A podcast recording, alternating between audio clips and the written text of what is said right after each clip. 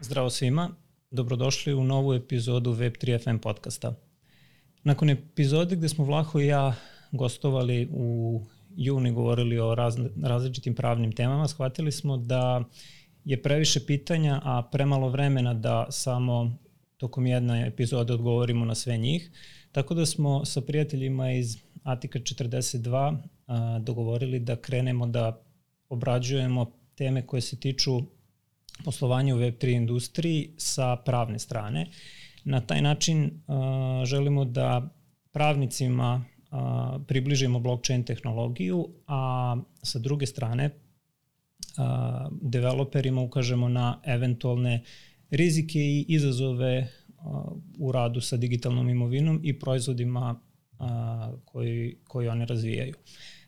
Današnja epizoda je posvećena upravo pravnicima, odnosno advokatima, koji se bave Web3 tehnologijama i oni su uglavnom u backendu svakog projekta, dok ukoliko neke stvari krenu po zlu ili se zakomplikuju, prelaze u frontend i raščišćavaju te stvari pred sudom, tužilaštvom, poreskom upravom ili drugim državnim organom.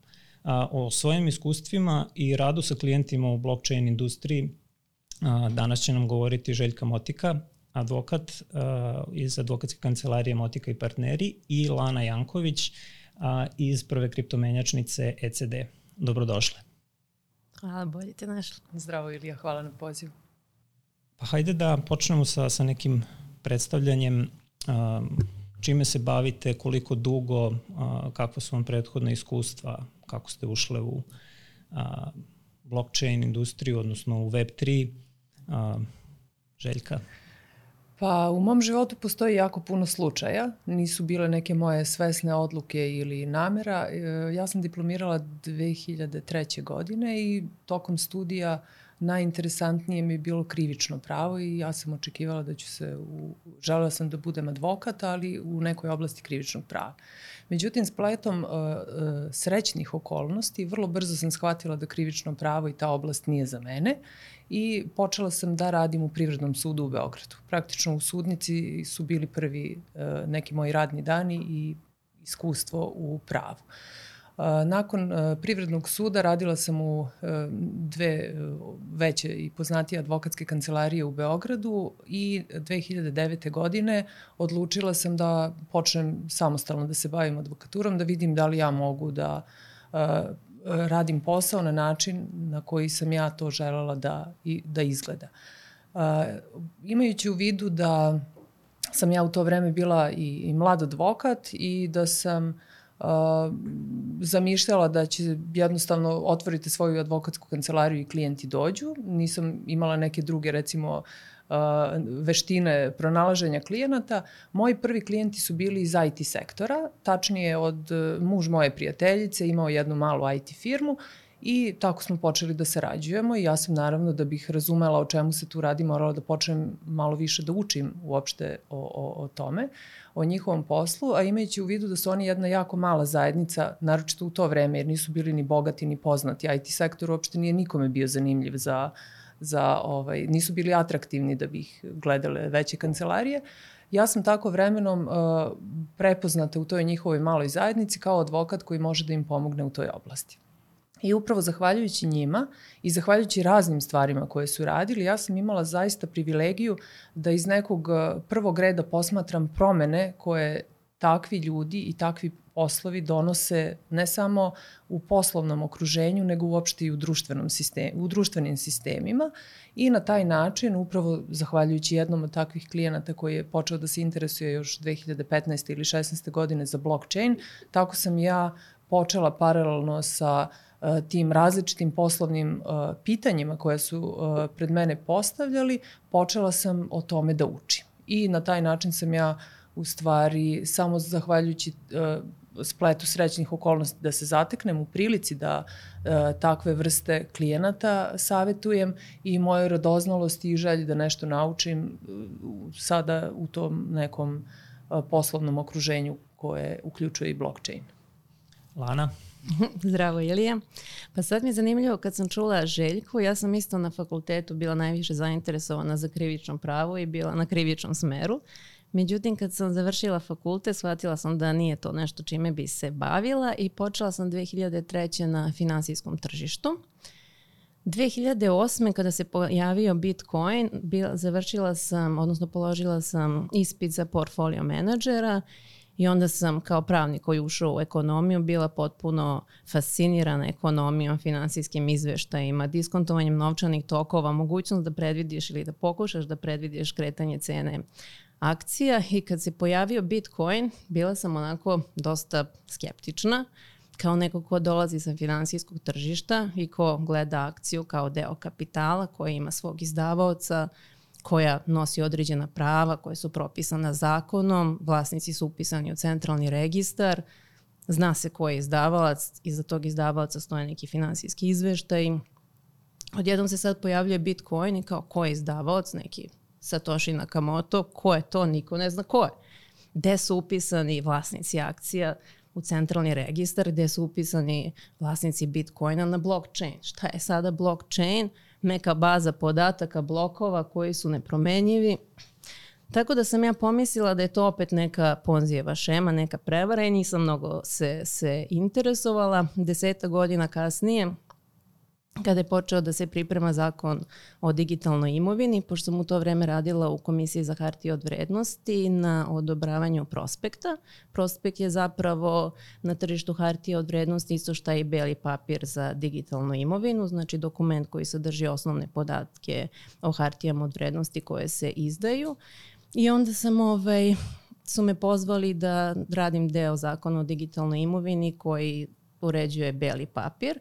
Tada sam počela malo da proučavam zakone Malte, Francuske, međutim i dalje se nisam potpuno zainteresovala za kraj, do kraja za digitalnu imovinu. Međutim, nedugo posle, kolega koji radi u komisiji na primjeni zakona o digitalnoj imovini je otišao iz komisije. Ja kao koja sam u to vreme imala skoro 18 godina iskustva u radu na finansijskom tržištu, pitali su me da li sam zainteresovana da preuzmem oblast digitalne imovine i onda sam ja rekla što da ne, zanimljivo je, treba nešto novo da se uči. I onda se u stvari ispunilo ono što je Michael Saylors rekao da nije upoznao osobu koja je provela više od 100 sati proučavajući Bitcoina da se nije zaljubila u njega, tako da ja posle tih 100 sati proučavanja Bitcoina sam se zaljubila u Bitcoin i počela ovaj, da radim na, na tržištu kripto imovine. Hmm, ne dug, par godina posle sam otišla, ovaj, nažalost, iz komisije, ali ostala ta žal i ljubav ka kripto imovini koju sam onako sa strane posmatrala i pratila šta se dešava na tržištu. I onda sam prešla u ECD, prvu kriptomenjačnicu gde danas radim kao Head of Compliance i kao ovlašćeno lice za sprečavanje pranja novca. Hvala. Samo ako možemo da pojasnimo ovaj, slušalcima i gledalcima koji nisu toliko upućeni u, u to šta radi komisija, koja je uloga komisije za hartije od vrednosti? Da li je to isto što je američki SEC? Ako možeš ukratko Pa da, u suštini komisija je Pandan American Security Exchange Commission, znači komisija je regulator na tržištu kapitala, znači zadužena je za nadzor nad tržištom kapitala, tržišne hartije od vrednosti, na zakonu o investicionim fondovima i sa, sa donošenjem zakona o digitalnoj imovini komisija je nad, nadležni organ uh, koji je zadužen za digitalne tokene, za razliku od Narodne banke koja je zadužena za virtualne valute. Da, znači te ovaj, nadležnosti su jasno podeljene. Jeste, jeste. Um, S tim što kad su u pitanju uh, digitalna imovina koja ima odlike i digitalnih tokena i virtualnih valuta, onda su nadležna oba organa, što je u suštini najveći slučaj u praksi, ali u praksi dosta teško odrediti šta je to virtualna valuta, a šta digitalni token teško je napraviti jasnu razliku kao na primjer Ethereum. Ako pitate 10 ljudi da li je virtualna valuta ili digitalni token, teško da ćete naći jedinstveni stav. Da, ta nedumica postoji da. u, u, u Sjedinjenim državama gde uh, CFTC koji je nadležan za uh, berzansku robu, commodities, da. kaže da je to ovaj, commodity, a SEC smatra da je to security. Jeste, jeste. I onda ste vi kao obveznik primene tih propisa ovaj, u nekom procepu da ne znate sa kojim propisima treba da, da usaglasite svoje poslovanje. A kako ste se edukovali o tehnologiji? Lana, ti si rekla da si proučavala ovaj, uporednu praksu uh, drugih, uh, drugih zemalja, odnosno propise. Željka, ti si na, na takođe kroz svoju praksu, odnosno u radu sa klijentima ovaj, morala da, da izučavaš neke propise, a šta je bilo nešto um, što ste čitale, gledale, slušale o tome kako funkcioniše blockchain i, i cela ta tehnologija? Da, pa što se same tehnologije tiče, ja e, ne poznajem tehnologije dovoljno detaljno da se mogu smatrati nekim ko može o tome da priča iz tog tehnološkog ugla. E, ja sam tehnologiju uvek posmatrala u kontekstu uticaja na postojeći regulatorni sistem, odnosno šta svaka tehnologija koju neko želi da primeni, o čemu prilikom kreiranja, odnosno pravljanja arhitekture određenog proizvoda mora da se vodi računa kako ne bi došlo do povrede određenog propisa. Tako da sam ja iz tog ugla e, naravno to posmatrala, e, išla sam na dosta konferencija. Recimo svakome bih preporučila da ode na Web Summit. To je jedna ozbiljna velika konferencija koja se dešava uh, svake godine u novembru u Lisabonu. Okupi se oko 100.000 različitih ljudi, to je prevashodno programerska konferencija bila u početku i jednostavno korisno je da bacite pogled u budućnost. To je bio moj utisak e, svaki put kada odem tamo, uvek e, po, nekako kao da ste, kao da, da ste iskoračili iz ovog sadašnjeg vremena nekoliko godina unapred i upravo i, i, i takve različite konferencije. Naravno, meni su bile zanimljivije neke stručnije konferencije koje su ipak uključivale e, eksperte iz oblasti financija, iz oblasti prava. Ali ono što mi je recimo uh, iskustveno bilo veoma zanimljivo u početku, uh, različiti recimo institucije vezano za finansijska tržišta, regulatori, u početku, to je bilo čak i 2000 recimo 15. godine, oni su uh, svi uh, shvatili da se sa kriptovalutama, odnosno sa Bitcoinom, uh, dešava i određena promena, ali su se nadali da će to sve nekako da se nekim čudom za, se zaustavi i uopšte se na regulativi nije radilo. Jer ako vidimo, mi smo sada u 2023. godini, tek sada Evropska unija ima određeni uh, regulatorni okvir. Znači u početku su regulatori želeli da to sve prođe kao da se nikada nije uh, ni desilo. Međutim, pošto su očigledno ogromna finansijska sredstva ušla u taj svet, e, svaka država želi da ima kontrolu nad tim. Svi biznisi koji su se osetili ugroženim takođe su želeli tome da se pridruže i upravo su to bili razlozi koji su doveli do stvaranja regulatornih okvira po mom mišljenju. Lana, kakav je tvoj stav o edukaciji? Koliko pravnik treba da uđe u, u to da li i kako blockchain funk funkcioniše. Pa kao što je Željka lepo objasnila, mi kao pravnici ne možemo potpuno, bitno je da nam bude jasno kako taj sistem funkcioniše da bismo mogli da ga, da ga regulišemo, ali mi ne možemo duboko ući u tehničko znanje, tako da poznavanje osnovnih pojmova i kako funkcioniše i neophodno čitanje, čitanje, ali na ovom tržištu ako jedan dan imaš utisak ako jedan dan ne čitaš da si propustio godinu dana dešavanja na kripto tržištu, pošto svaki dan ima beskreno novih stvari koje se, koje se događaju. Ali, ja bih ovde dodala jedno ali, A, bez obzira što sada postoji regulativa koja se odnosi na, na digitalnu imovinu i kod nas, pa i, i širom sveta, suština je da ta regulativa ne sme i ne može da se posmatra van konteksta pravila koja već postoje. Jer ja sam uh, savjetovala i radila na nekim projektima i dok regulativa u svetu nije postojala, ali smo uvek znali da mora da se poštuju zakon o sprečavanju pranja novca, da moraju da se poštuju načela obligacijonog prava, dakle osnovna načela savesnosti i poštenja i morate da ispunite ono što ste obećali. Dakle, iz nekog odnosa beli papir je u suštini ugovorni odnos. Ako ga vi prihvatite i ako kupite određeni uh, token koji je izdat na osnovu tog belog papira, znači da ste vi ušli u jedan ugovorni odnos. Tako da uh, pravni instituti na kojima počiva civilizacija, na kojima počiva svako društvo su temelj svega, pa i digitalne imovine i, i tog sektora. Tako da ne može se izolovano posmatrati i zanemariti ceo jedan temelj prava na kome funkcioniše. A da li mislite, sad pravim analogiju sa pravom intelektualne svojine gde a, patentni zastupnici i kolege koje se bave patentnim pravom imaju jako veliko tehničko znanje. Da li bi možda budućim pravnicima značilo da poznaju kodiranje, programiranje u nekom osnovnom obliku? Meni se za sada takva potreba nije pojavila, zato što dovoljno je da mogu da razumem čemu služi to što će neko iskodirati. Recimo, ako to sad pominjemo, pada mi na pamet, na primjer, nešto što, što se zove pametan ugovor. To je, ovaj, pošto su očigledno u ovom... E da, i ta je jedna tendencija očigledno bila prisutna. Kad su se pisali propisi, nekako uzet je jako veliki broj pojmova koji su kolokvijalni pojmovi nastali u IT zajednici, koji su možda samo uneli konfuziju u uh, uobičajen pravni uh, jezik, jer ugovor i pametan ugovor su potpuno dve različite stvari. Ugovor je, dakle, pravni odnos i saglasnost volja ugovornih strana za razliku od pametnog ugovora koji predstavlja samo kod. Tako da u kontekstu toga, ako uh, hoćete da me pitate da li advokat treba da zna da piše pametan ugovor, uh, po meni ne, Može ako želi, ali nije neophodno. Suština je da uh, taj pametan ugovor samo mora neko da implementira već ona, onu prethodno postignutu saglasnost koju su ljudi prirodnim jezikom i komunikacijom postigli.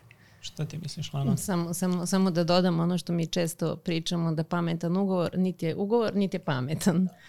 Ovaj, pa isto mislim da svako treba da se drži ipak svoje struke, tako da nije neophodno, bitno je da se razume uh, šta trebamo da regulišemo, ali da ulazimo u kodiranje i programiranje niti je potrebno, niti je moguće. Jasno.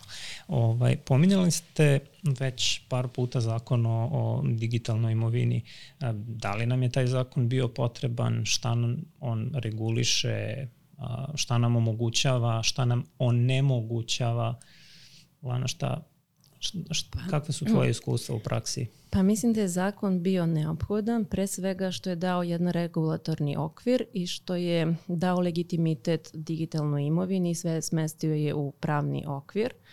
E, Srbija je bila pionir kada je u pitanju donošenja zakona o digitalnoj imovini i zaista učinila veliki iskorak kada je u pitanju tržište digitalne imovine. Međutim, ono što se desilo u praksi kao da smo trčali trku na 100 metara, prvih 80 metara bili prvi, a onda smo posljednjih 20 negde stali. Tako da se krenulo pompezno sa donošenjem zakona, a onda je negde u primeni se dosta zastalo, tako da danas više od dve godine od donošenja zakona imamo samo dva pružaoca usluga i dva bela papira koji je izdao jedan izdavalac. Međutim, zakon je bio neophodan. Zakon pre svega reguliše koje su to usluge koje mogu da se vrše na tržištu digitalne imovine. E, propisani su strogi uslovi za licenciranje, licence odobrava Komisija za hartije od vrednosti i Narodna banka Srbije. Takođe su propisani i beli papir, odnosno uslovi za odobravanje belog papira i što je značajno za sekundarno trgovanje, propisane su zloupotrebe na tržištu koje predstavljaju krivična dela, to su manipulacije, zloupotreba insajderskih informacija, što su praktično isti instituti kao oni na, na tržištu kapitala. Samo prilagođeni Sam, za, jest, za digitalnu jest. imovinu. Željka, kakav je tvoj stav ovaj, prema, prema pa, novom zakonu? Imajući u vidu da sam imala iskustvo u ovoj oblasti i pre regulative i nakon što je regulativa doneta, ja sam definitivno za to da je bolje sa zakonom nego, nego bez zakona, zato što uh, ovaj zakon mnoge institute identifikuje, kao što je Lana rekla, i daje im određeno mesto u pravnom sistemu, tako da meni kao pravniku je mnogo lakše da dajem savet kada imam određeni propis koji treba da tumačim, nego bez propisa, pa pitanje je onda kojim putem bi taj, taj e, projekat mogao da ode. Tako da što se tiče zakona, uh, ono što je važno, zakon je primenjiv. U kojoj meri uh, se može poboljšati primjena zakona imajući u vidu jako mali broj uh, institucija, odnosno licenciranih menjačnica, odnosno pružalaca usluga i mali broj papira, belih, mislim da uh, je rešenje uh, među svima nama, odnosno svako mora da da svoj doprinos. Prva stvar je da uh, institucije treba taj zakon da primenjuju, uh, da se edukuju i da jednostavno izlaze u susret na način što će biti spremni ako neko želi da se licencira, da mu budu vrata te institucije otvorena, da na lakši način može da sazna šta je to što se pred njega stavlja kao zahtev. Moje iskustvo sa zakonom do sada, upravo ta dva bela papira koja su odobrena, moja kancelarija je bila savjetnik u tome i interesantno je da smo imali prilikom pisanja belog papira bar smo mi na takav način stvari posmatrali, prvo smo krenuli od toga da identifikujemo šta je taj digitalni token, odnosno koja prava investitorima taj digitalni token daje. To je bilo važno iz ugla prava i obaveza i iz poreskog aspekta, a bilo je važno i iz ugla koji je nadzorni organ nadležan za odobrenje takvog belog papira. U našem slučaju, to, znači govorimo o tokenu FinSpota, bila je nadležna komisija za hartije od vrednosti. Ja u to vreme, kad smo, to je bilo zaista divno iskustvo. Komisija je bila ekspeditivna, potpuno su razumeli o čemu se radi, ali isto druge strane moj klijent je bio potpuno spreman i ozbiljno je tome pristupio. I recimo ta, ta, ti beli papiri su odobreni u nekom vremenskom roku koji se meri nedeljama I recimo ja sam Lanu koja je upravo radila u komisiji, ja sam nju upoznala tek godinu dana kasnije tako što sam na nekom skupu slučajno sedela iza nje i pomenula sam komisiju kao divan primer. Doći ćemo, doći ćemo i do divan toga. primer i do, do, do Policy Laba. Ovaj, htio bih da pitam Lanu samo ako može da a, nam kaže šta je beli papir i čemu služi, a onda možda kako je tekao proces i koliko je vama interno trebalo da pripremite taj, taj ovaj, beli papir koji je naknadno bio i, i odobren. Pa beli papir je u suštini dokument na kome na jasan, koncizan način treba da budu predstavljene svi oni podaci o digitalnom tokenu, odnosno digitalnoj imovini koja se izdaje, o izdavaocu te digitalne imovine i o rizicima vezanim za digitalnu imovinu, odnosno da omogući svim potencijalnim kupcima te imovine da im bude jasno da šta donosi koja prava i obaveze nosi taj digitalni token i da mogu da donesu svoju investicionu odluku o ulaganju u digitalni token. Praktično beli papir je pandan prospektu na finansijskom tržištu s tim što je prospekt mnogo složeniji i zahteva zaista visok nivo, nivo poznavanja financija, financija da bi mogao da se razume, a beli papir je dosta jednostavan, lak i razumljiv za čitanje. Pritom bi zaista pomenula ovaj fin spotov beli papir koji je primer bel, kako beli papir zaista treba da izgleda, da se na jedan jasan, precizan način daju svi podaci i zaista moguće potpuni uvid u sve podatke koji su investitorima potrebni i šta mi se svidelo još kod belog papira kao što je Željka rekla, kod digitalne imovine nije bitan samo zakon o digitalnoj imovini, već i drugi set zakona na koji se e, oslanjaju instituti, tako da u belom papiru su dati podaci o porezima koji su vezani za taj digitalni token, podaci o sprečavanju pranja novca, čak i podaci o zaštiti ličnih podataka. Tako da je primer kako beli papir treba da, da izgleda svakako fin spotov beli papir. Znači praktično neka po, pojednostavljeno rečeno um, opšti uslovi poslovanja i Jest. podaci koji su potrebni za informisanu odluku u slučaju da želite da kupite tu, tu digitalnu imovinu. A Željka, a, možeš li da podeliš sa nama kako je izgledao taj a, proces pisanja belog papira, da li je to o, i koliko je trajalo, koji su bili neki problemi u, u tom procesu, pošto vi ste morali tu da kako da kažem, moderirate između uh, ljudi iz IT sveta koji su osmislili taj token, uh, računovođa, možda revizora, poreskih savjetnika, onda vi kao, kao ovaj advokat da uklopite sve to u, u formu koje, koje je posle prošla bez problema komisiju. Da, pa ja sam od Ognjana Kurtića iz FinSpota koji je CTO dobila, to, to se i dalje čuva, na jednoj salveti napisan o, napisanu strukturu tog belog papira i tokena. I onda, a to je bilo nakon što je zakon donet, ali još uvek nije stupio na snagu. Imali smo taj neki period od šest meseci. Uh, I onda sam ja uzela u tom trenutku ono što je bilo, ni podzakonski akti nisu postojali, tako da sam uzela odredbe zakona i polako razrađivala, napravila sam jedan dokument na dve strane i rekla ov, ovde su nam potrebni sledeći podaci. Ove podatke treba da piše knjigovođa, ove podatke treba da piše broker, ove podatke treba vi da pišete kao vaše tehničko rešenje i ovo su delovi teksta koje moraju da pišu pravnici. I onda smo mi na taj način krenuli u strukturiranje dokumenta. Broker nam je bio isto jako važan jer je on morao da proceni, pošto je to u stvari digitalni token koji ima karakteristike finansijskog instrumenta i onda nam je zbog poreskog aspekta bilo jako važno da napravimo adekvatnu strukturu iz ugla poreza. Tako da, iako zvuči dugo, godinu dana je trajao taj proces, jer paralelno sa tim procesom pravila se i cela, dakle nije već bio kreiran digitalni token, nego cela infrastruktura tehnička, tehnološka se pravila upravo paralelno sa pisanjem tog belog papira. Ali opet po, ovaj, želim da pomenem Dakle, FinSpot, e, kada neko želi da, da izda beli papir i da izda tokene, suština toga je da želite da prikupite nekakva sredstva koja želite opet u neki projekat svoj da uložite. Meni se najčešće javljaju ljudi koji osim ideje nemaju nikakve resurse, u smislu nemaju nikakav razvijen proizvod ili bar naznake proizvoda, nemaju tržište, nemaju profesionalnu reputaciju ili iskustvo koje bi im dozvolilo tako nešto. Evo primjera radi, beli papir ako hoćete može izdati pisac koji ima fantastičnu reputaciju zato što mu izdavačke kuće recimo sada uzimaju 70%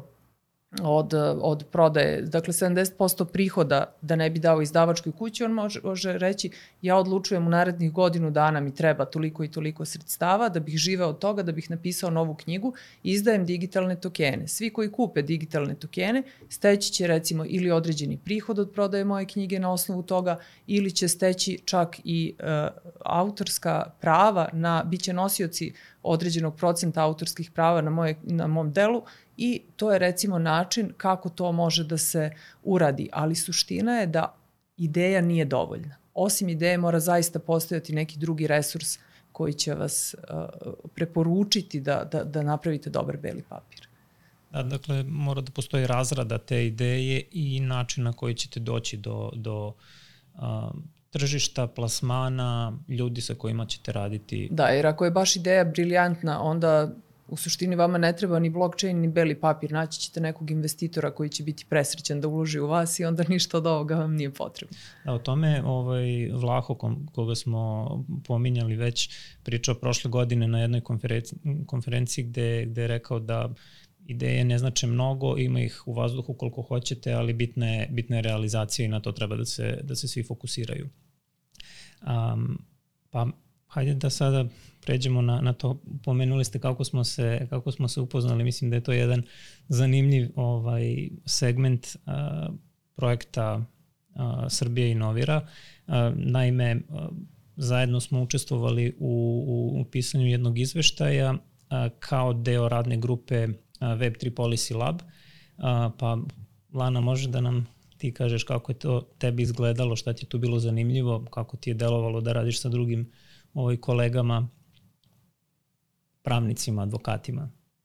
Mislim da je najveći u stvari jedan od značaja projekta što je okupio zajednicu na jednom mestu i zaista neke ljude koji ozbiljno rade u ovoj zajednici na jednom mestu i što smo se svi ovaj, upoznali i povezali. Tako sam ja Željko upoznali ako smo sarađivali na, na belom papiru, nismo se poznavali. Upoznali smo se tek, tek na projektu. Iako sam posle odobrenog belog papira, gde god sam imala priliku pričala ljudima o primeru belog papira i primeru ozbiljnosti i profesionalnosti kada je u pitanju rad na, na takvom jednom dokumentu. Ove, bilo je interesantno zato što smo svi dolazili u suštini iz različitog backgrounda sa različitim iskustvima i što smo onda seli, pogledali zajedno svako iz svog ugla zakon o digitalnoj imovini i sačinili taj jedan policy paper koji je onako dobar prikaz zakona o digitalnoj imovini i sa predlozima o daljim poboljšanjima i što je zanimljivo što smo stvari konstatovali da je zakon u suštini dobar, samo ga treba primenjivati na pravi način. Željka, kakvo je tvoje iskustvo bilo sa pa, Policy Labom? Da, Lana, e, Lana je to lepo primetila. Dobro je što smo se upoznali međusobno, jer mnogo jednostavnije i komunicirati kada nekoga poznaješ, recimo evo mi smo se ovde na taj način upoznali, meni je to dragoceno iskustvo i mislim da je saradnja bila dobra međusobna zato što nismo imali previše suprotstavljenih stavova pa smo vrlo lako mogli da iskomuniciramo jako puno stvari. A, takođe smatram da zakon, ono, o, o, ponovo ponavljam, zakon je primenjiv i ja mislim da ovaj zakon, imajući u vidu da je i tehnološki neutralan, a neutralan je i u kontekstu koje vrste tokena mogu da se izdaju, što mislim da je prednost ovog zakona, da kroz praksu zaista jako puno sa ovim zakonom može da se postigne. Ali ta praksa podrazumeva i ozbiljnost izdavalaca, dakle onih koji žele da izdaju beli papir moraju u tome da budu ozbiljni, Zatim, institucije definitivno moraju, komisija je dobar primer funkcionisanja, sa Narodnom bankom to ide malo teže, ali i institucije moraju da se obrazuju, da se edukuju, da budu radoznali, da daju predloge, uh, u ostalom i da sarađuju sa zajednicom, da, da međusobno uči, učemo, učimo jedni od drugih. Da, meni je bilo takođe zadovoljstvo da, da radim sa vama u našem malom timu je bio i uh, kolega, kolega Miloš, Miloš Velimirović, um, koji je uporedno analizirao neke popularne kripto destinacije iz čega smo videli ovo što, što ti Željka kažeš, baš da ne zaostajemo za tim vodećim, navodno vodećim jurisdikcijama poput a, Dubaja, Hong Konga, a, Malte, ne mogu da se setim drugih, ovaj, već da je njihova prednost u tome što njihovi regulatori brže reaguju na, na zahteve ili na potrebe tržišta, dok kod nas to ide dosta sporije. Ja bih samo jednu malu digresiju kad smo kod zakona o digitalnoj imovini i uporedne prakse. Ono što je svakako naša komparativna prednost u odnosu na druge zemlje, pa čak i sad na na MIKA regulativu, što naš zakon omogućuje izdavanje digitalnih tokena koji imaju odlike finansijskih instrumenta. Znači, praktično je moguće da se izda finansijski instrument bez svih onih strogih pravila koje nameće zakon o tržištu kapitala. S tim da je e, iznos do koga se može po godinu dana 3 miliona evra, ali je svakako prednost našeg zakona koji drugi zakoni ne poznaju, druge zemlje. I uh, kada smo bili letos na, na Block Split konferenciji, uh, slušala sam kolegi iz Evropske unije koji sad uh, tek pred sobom imaju propis koji treba da primene, pa njihove centralne banke kako se ponašaju, pa njihovi regulatori. Ja sam u stvari shvatila da smo mi došli u odnosu na njih iz budućnosti, jer mi smo već veliki deo tog puta prošli. Tako da pravila koja važe za tržište kapitala ili za platne institucije su definitivno implementirana uh, u odnosu na pružaoce usluga koje se odnose na digitalnu imovinu. Takođe beli papir i prospekt kao što je Lana pomenula, dakle to je tendencija i re regulativa je već tu, tako da sad recimo ja imam već klijente koji se javljaju i pitaju da li možemo na neko egzotično ostrvo. Pa vi možete gde god želite, samo je pitanje šta ćete time postići i gde ste vi realno, gde vi realno živite, E, čiji ste vi rezident poreski i da li ćete vi imati neki novac negde sakriven u nekom računu zato što ne možete da ga prikažete, nemate osnov kako ste ga stekli ili ćete odabrati pristojnu jurisdikciju, poštovati sva pravila i na taj način, što je svakako moj savet u svakom slučaju.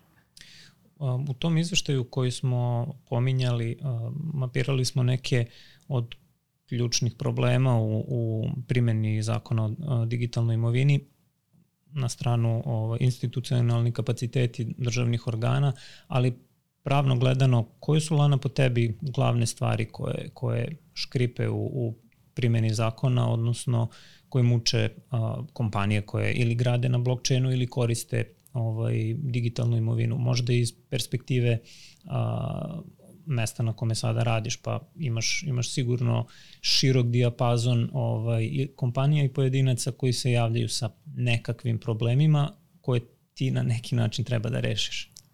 Da, pa ja bi možda izdvojila tri glavna problema koji se javljaju u primjeni zakona o digitalnoj imovini. Prvi je svakako otvorenost državnih organa. Mislim da je u ovoj oblasti neophodno da državni organi, da vrata državnih organa budu otvorena, da je moguće kada vam dođe klijent sa nekim projektom, da dođete da sednete zajedno sa državnim organom, da vidite da li je on izvodljiv, da li nije, koje su prepreke za izvođenje tog projekta u ovom novom tržištu tehnologija se takvom brzinom razvija da ne možemo da dozvolimo da čekamo odgovor državnog organa po 3, 4, 6 meseci. Kada razvijemo neki proizvod, a dobijemo odobrenje tek posle 6 meseci, on je već zastareo, a vi ste uložili neka sredstva, a on je neprimenjiv, mora da, ide, da se ide na već razvijenje sledećeg proizvoda. Tako da mislim da je neophodna proaktivnost državnih organa. Tu je zaista dobar primer Komisije za hartije od vrednosti, ne zato što sam radila nego zato što stvarno su njena vrata otvorena i uvek je moguće dobiti, dobiti odgovor, konsultacije sa njima i zaista brzo reaguju na, na zahteve. Drugi problem je e, odnos banaka prema tržištu kriptoimovine. Banke kao da nisu svesne naše realnosti, da je kriptoimovina tu, da je zakonom regulisana, tako da mnoge banke odbijaju da otvore račune pružocima usluga, tačnije većina banaka, a neke čak idu dotle da neće ni da nasaldiraju transakcije, odnosno da prenose novčana sredstva koja su stečena prodajom digitalne imovine, što nije jasan stav banaka imajući u vidu da je zakonom regulisana materija, da je isti regulator i nad pružocima usluga i nad bankama, a kada je u pitanju rizik, na primjer kladionici su u nacionalni proceni rizika ocenjene visokim rizikom, dok su pružaoci usluga srednjim. Banke bez problema sarađuju sa kladionicama, neće da sarađuju sa pružaocima usluga, tako da je to zaista veliki problem. I treći problem koji onemogućava razvoj i nije u suštini su komplikovana pravila koja se odnose na identifikaciju klijenata. Naime, zakonom o digitalnoj imovini je propisano da biste vi kupovali i prodavali digitalnu imovinu, morate da se lično identifikujete kod pružaoca usluga, što nije baš primenjivo u ovom savremenom svetu digitalnih tehnologija gde se sve radi online. Omogućena je video identifikacija, ali još uvek pružaoci usluga nisu dobili saglasnost za za video identifikaciju. Pogotovo e, tržište kripto imovine je tržište na kome se i cene menjaju, može u toku jednom dana da se cena ide gore dole 20-30%, a vama za ličnu identifikaciju treba da odete kod pružaoca usluga da odnesete ličnu kartu, tako da Mislim da je to jedan veliki problem. Takođe zatvaramo tržište, ne možemo da govorimo o razvoju tržišta ako ga samo svedemo na domaće tržište, imajući u vidu da je naša populacija 6,5 miliona, evropska 450 miliona. Strancima je, na primjer, onemogućeno da vrši identifikaciju putem video identifikacije. Tako da bi tu trebalo da se reši problem identifikacije stranaca i lakša identifikacija klijenata. A kada kažeš pružavci usluga, to je ono što se kolokvijalno zove menjačnice kod nas. Znači, jest, to su pružavci usluga u vezi sa digitalnom, digitalnom imovinom. Da, to je jest, puni, jeste. puni ovaj zakonski da. naziv. Da. Željka, šta je po tvojom mišljenju ovaj, neki ključni problem ili koji su problemi koji se tebi javljaju u praksi, šta smo identifikovali u izveštaju? Ovo je Lana izvanredno identifikovala. Upravo su to ta tri ključna problema. Uh, a usled jednog od ovih problema, upravo odnosa institucija prema uh, subjektima koji žele da se bave ovakvim poslom, recimo pojedini segmenti ovog tržišta koje zakon prepoznaje kao moguće uopšte ne mogu da se razviju dok uh, Narodna banka Srbije ne izda licence za takvu vrstu recimo po, posla. Primera radi, uh, dozvoljeno je da koristite recimo kriptovalute, tako što ćete u prodavnici uh, praktično vašu kafu platiti tom kriptovalutom, ali trgovac ne sme da uzme od vas kriptovalutu, nego tu mora da postoji posrednik koji ima licencu da praktično izvrši razmenu. Dakle, sve dok takva licenca nekom subjektu koji je za to zainteresovan i koji im ispunjava sve uslove ne bude izdata, taj segment tržišta apsolutno ne postoji. Dakle, znači, to je praktično uh, a, ono što u uvezani su u poslovanju, u poslovanju već imamo kada vam dođe neko iz, iz druge države pa plaća karticom, vi kao ugostitelj u, u tvom primeru a, ne dobijaš evre ili dolare, već dinare koje je banka konverzija, baš konvertovala. Tako, jeste. Dakle, tako da je tu uloga, kon, konvertuje ta sredstva u kriptu, odgovarajući licencirani pružalac.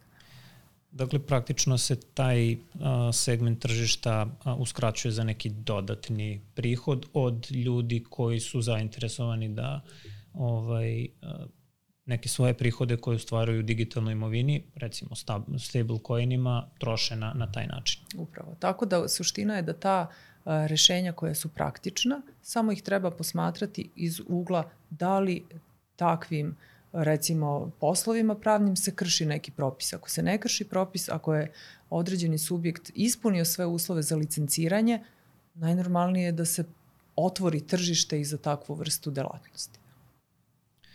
Um, sada da, da pređemo na, na drugi segment, pošto smo ovaj, već dosta pokrili ovih praktičnih stvari, um, koji su vam glavni izazovi u radu sa, sa ljudima iz uh, IT sveta, odnosno iz, iz Web3-a?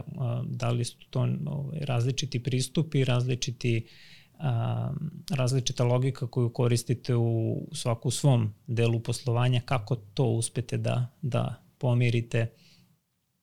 Lana, šta ti Pa ja upravo, upravo zbog te logike koju spominješ, ja volim da sarađujem sa ljudima iz, iz IT sektora, pogotovo kada radimo na razvoju nekog novog proizvoda, usluge ili kad radimo na, na normativi.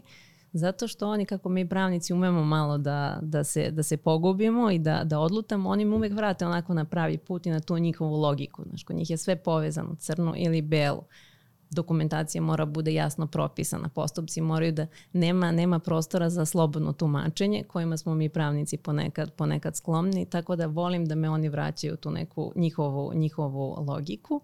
Ono što može biti izazov je svakako što su oni navikli da da slobodno razvijaju, tako da ih propisi onako malo sputavaju, pa ih to ovaj, im ne prija, usporavaju njihov rad, administracija pogotovo njima nije, nije ovaj, bliska, ali posle sloma FTX-a i Celsiusa svakako su i oni shvatili značaj, značaj regulacije, tako da se, da se taj odnos dosta, dosta promenio. Odnosno primene regulacije. Jeste, da. I zašto nešto na sajtu mora da stoji ili ne sme da stoji. Jeste, jeste ili u mobilnoj aplikaciji. Željka, ti imaš ovaj, dosta iskustva, iskustva u radu sa, sa klijentima iz Web2 industrije, klasične ovaj, IT industrije i sa, sa ljudima iz Web3. Ovaj, jel postoji neka razlika u, u pristupu ili je prosto ovaj, njihova logika koju smo sad sa, sa Lanom pominjali, a, pristup isti? Sve su to isti ljudi, samo su malo stariji. Tako da e, moji početci rada sa IT e, sektorom su bili takvi da a, prvi utisak mi je bio da oni uopšte ne razumeju šta će njima pravnik ili advokat, čemu služi ugovor i tako dalje, zašto štititi e, prava intelektualne svojine, zašto sa saradnicima, ako, ako radite onako kao jedna družina na izradi nekakvog koda, zašto treba da regulišete, šta kome pripada i tako dalje. Dakle, to je bilo potpuno uh, odsustvo interesovanja. Interesovanje se kod njih javilo u trenutku kada su se pojavljivali investitori koji su bili zainteresovani da ih kupe i kad vam dostave listu pitanja i traže vam odgovarajuću dokumentaciju, onda mi ulepšavamo tu firmu. Znači moramo da pripremimo jako puno dokumenta, tako da mislim da su se vremenom navikli na to da je neophodno imati uh, i postupati u skladu sa, sa pravnim zahtevima. A, druga stvar koja, uh, koju ja njima volim uvek da kažem, pravo je logično. Dakle, sve što uh, a, u suštini sve što oni smatraju, odnosno žele da urade i što, što, što deluje logično, vrlo je verovatno da će to i pravno biti izvodljivo. Tako da trudim se da na što jednostavniji način sve te pravne institute njima prevedem na jezik koji je njima imanentan, koji mogu da razumeju i obrnuto moram ja da razumem njihov rečnik jer ipak nam se malo vokabular razlikuje. Tako da mislim da negde na sredini se nađemo tako da imamo ja, ja volim sa njima da sarađujem. U suštini imaju uh, konkretnije poslove i konkretnije proizvode nego recimo ne znam, kad sarađujete sa bankom, kad sarađujete sa nekim fondovima, institucijama, drugačija je vrsta i ljudi i drugačija je vrsta posla. A možeš li da podeliš ove zanimljivosti iz prakse ovaj, koje se tiče ugovora koji si radila i da li je on univerzalno primenljiv i analogiju koju si napravila da, kad i... se to sve razrešilo? Da, da, da. Imali smo jednu situaciju gde uh, smo sačinili za klijenta jedan jako povoljan ugovor, uh, ali je tu u tom ugovoru uh, uloga klijenta bila da on pruža određenu vrstu usluga razvoja softvera. I naravno kad pišete ugovor iz tog ugla, trudite se da za vašeg klijenta napravite što manje obaveza, što manje garancija i tako dalje. I taj ugovor je za klijenta bio jako povoljan.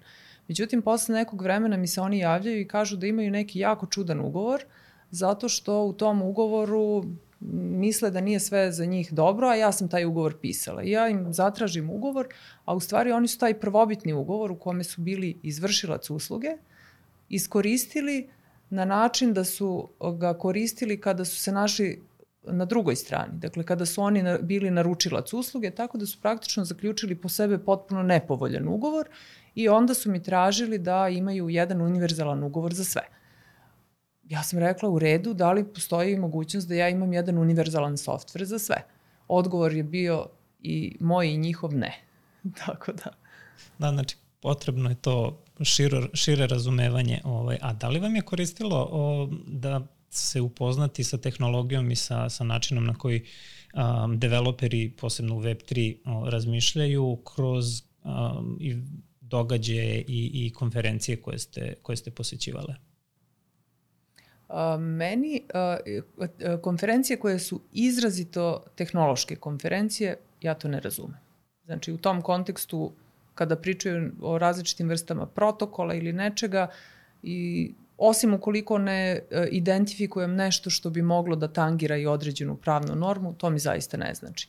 Ipak preferiram neke, to, to mogu u svrhu zabave, ako je recimo nešto zanimljivo, nešto novo što neko predstavlja, ali definitivno meni su korisni skupovi, recimo bilo bi idealno kad bi se i kod nas uh, u Srbiji, osim Koponičke škole prava ili tako nečega, kad bi se pravile nekakve vrste konferencija u kojima bi se između ostalog pričalo i ovakvim stvarima vrlo često, zato što, na primjer, kada imamo situaciju da se desi spor između IT kompanija, na primjer, oko razvoja određenog softvera. E, razlog za to je vrlo često neko ko razvija određeni softver koji mu je druga strana naručila, vrlo često oni dogovore, ali ne dogovore dovoljno detaljan projektni zadatak.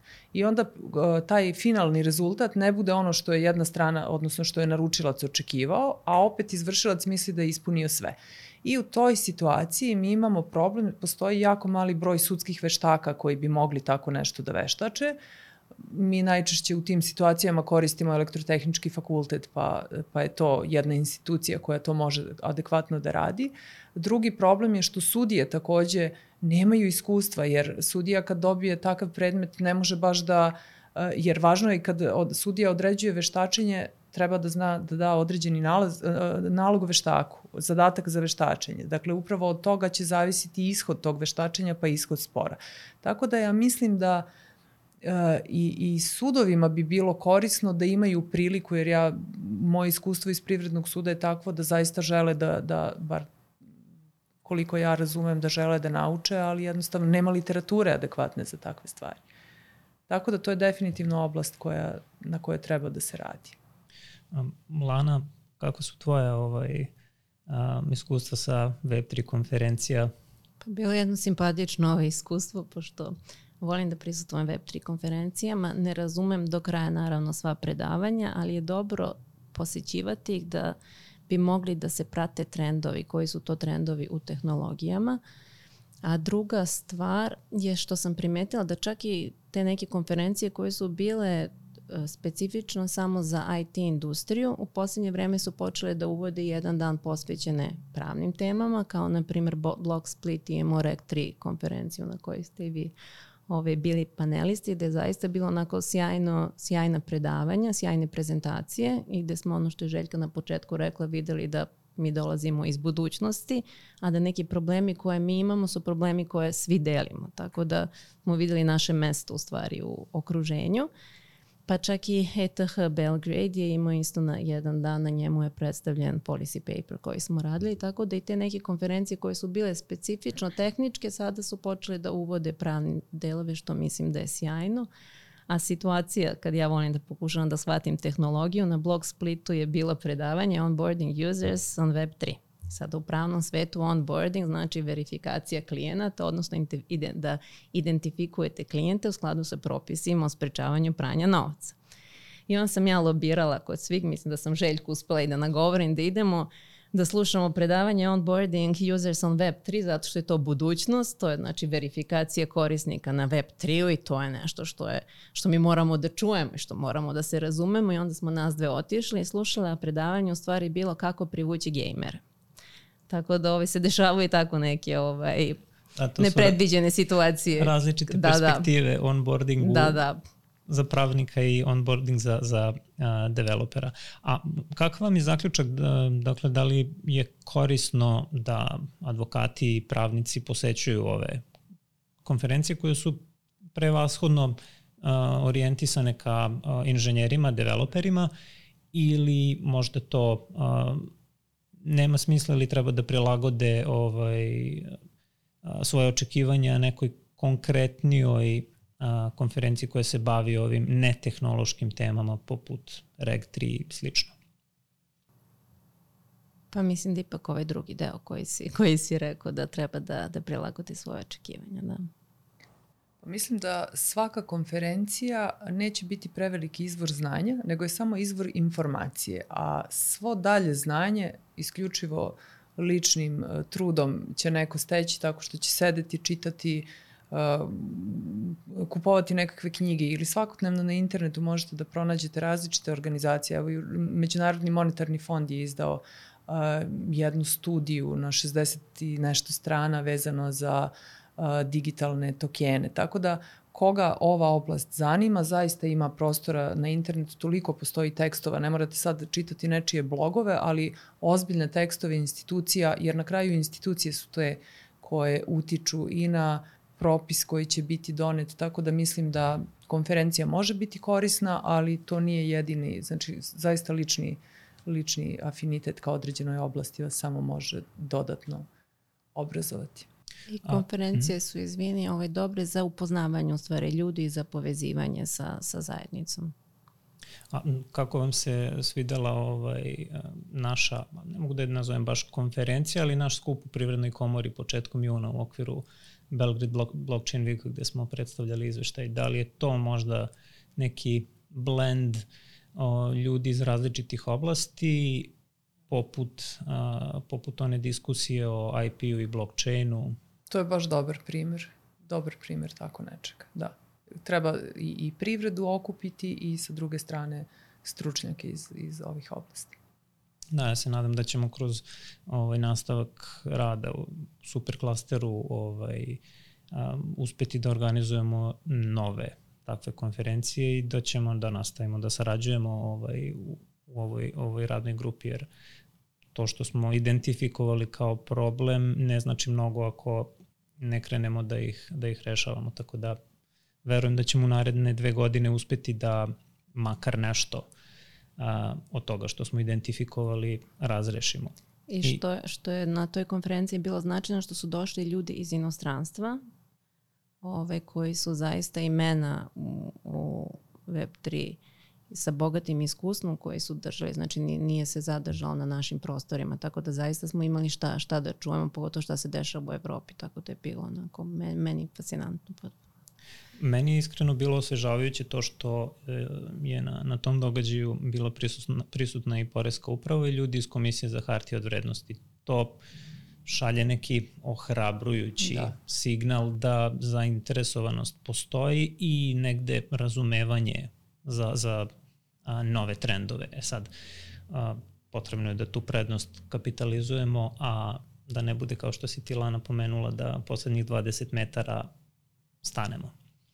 I pošto se a, polako približavamo kraju, a, da li imate neki savet za mlađe kolege, za studente koji a, bi voleli da uđu u, u kriptoindustriju, blockchain, koje, koje to zanima neku preporuku? Pa ja sam vrlo uh, old school pravnik, tako da ja mislim da uh, Web3 uh, advokat i tome slično uh, ne može da postoji tako na nekom oblaku ili van uh, nekog sistema, tako da mora da nauči zakon o obligacijnim odnosima. Dakle, mora da se zna uh, građansko pravo, ako će se već baviti tom oblašću, mora da ima iskustvo po meni dobra preporuka i iskustvo sa sudovima i iskustvo sa, sa, sa uopšte nekim setom svih pravila uh, koja važe za svaki privredni subjekt. Bez toga nije moguće preskočiti taj korak. Tako da pravo i dalje jedan uh, po meni uh, zanat iz starih vremena koji jako dobro i temeljno mora i dugo da se uči da bi mogla svaka, jer sve ove, ove promene koje se donose i koje, koje će tek nastajati um, samo se slažu, to je jedan novi sloj regulative, to nije ništa novo, tako da uvek je važno imati sve od početka do kraja. Lana, kakav je tvoj savjet? Pa apsolutno se slažem sa Željkom, treba imati čvrste ovaj, osnove u pravu, veliko znanje, veliko podlogu i iskustvo i onda ići dalje. Ne treba se plašiti novih tehnologija i svakako što više raditi, što više učiti i slobodno mogu da krenu sa, sa trgovanjem, da vide kako to izgleda. Nije, nisu potrebni neki veliki iznosi da bi se probalo, tako da savjetujem svakog da, da probaju, da se, da se igraju pa da vide kako, kako će to da, da izgleda. Da, Željka, ovaj, uh, ti si pominjala da si uh, pokušavala da, da trguješ, odnosno da se igraš sa nekim sitnim uh, sumama. Kako je to izgledalo? Jesu gasfijevi pojeli taj Pa da, ja sam to radila, ja sam imala domaći zadatak jer pohađam neki uh, program uh, DLT uh, Talents, to je 200 žena iz celog sveta je na tom programu Frankfurt Business School to organizuje, završit ću u ponedeljak školu, uspešno nadam se. I onda smo imali jedan zadatak da probamo da otvorimo novčanike na različitim uh, berzama, da probamo da trgujemo i upravo zbog problema koje mi imamo sa poslovnim bankama, ja nisam bila u mogućnosti uh, recimo na Coinbase uopšte nisam bila u mogućnosti da otvorim svoj novčanik virtualni, Osim toga, e, gde sam uspela da otvorim e, virtualni novčanik, uopšte nisam mogla da kupim kripto, zato što moja banka nije htela da obradi transakciju od 20 evra. Pa kad sam ja konačno to uspela i sve sam uspela da završim, naravno, onda sam se suočila sa time da su te e, naknade za transakcije jako visoke, tako da to je zanimljivo iskustvo jer e, ako ćemo doći do toga da ćemo u skorijoj budućnosti imati digitalni euro, znači uh, zvaničnu valutu koja će biti bazirana, odnosno biće zabeležena na blockchainu, to znači da ćemo svi morati da imamo takvu vrstu virtualnih novčanika. Tako da ćemo morati da taj, kao što danas koristimo internet, jer nam je to postao sastavni deo života kao struja voda, isto tako će i blockchain kao infrastruktura doći u naše živote i više se nećemo, nećemo više imati izbora, morat ćemo to da koristimo. Tako da mislim da jeste korisno, to je samo jedna nova veština koja nekome može da zatreba, bez obzira što neko možda i neće da trguje time, ne želi i tako dalje, ali dobro savladati na vreme. Lana, pretpostavljam da si ti da, svakodnevno sada zbog pozicije na kojoj radiš uključena u, u to kako se otvaraju novčanici, kako sve to funkcioniše, a da li si pre, pre ovaj ECD-a pokušavala da, da ne nužno trguješ, ali da kupiš neki token da vidiš kako to izgleda, otvoriti novčanik, izgubiti seed frazu, Ja sam srećem nisam došla do gubljenja seed fraze, ali sam došla nažalost do gubljenja berze na kojoj sam držala ove sredstva. E, pa da, zato što kad, kada sam pozvana da radim na zakonu o digitalnoj imovini, smatram da ipak treba steći neko praktično iskustvo, tako da je uvek dobro proći kroz proceduru kupovine prodaje da bi mogao da, da regulišeš taj postupak, tako da sam tu trgovala praktično da bi videla kako izgledaju, izgledaju procedure. Na, nažalost sam izabrala pogrešnu berzu na kojoj sam ostavila sam sredstva na, na FTX-u. Iskusno ih nisam prebacila u svoj novčanik ovaj, sve kao sutra ću, sutra ću, sutra ću, onda se dogodio krah, tako da sam ostala bez svojih srećom, nisu bila velika ulaganja, pošto su samo u naučne svrhe. Ove, tako Svaka da. škola se plaća. Da, da, tako da. da. Ova, nadamo se, nije skupo koštala. Nije, nije. Um, hvala vam mnogo što, što ste se odezale pozivu i, i podelila svoje, svoje iskustva. Um, nadam se da ćemo uspešno da nastavimo sa snimanjem ovih epizoda i sigurno će biti novih tema u kojima će nam značiti vaša ekspertiza.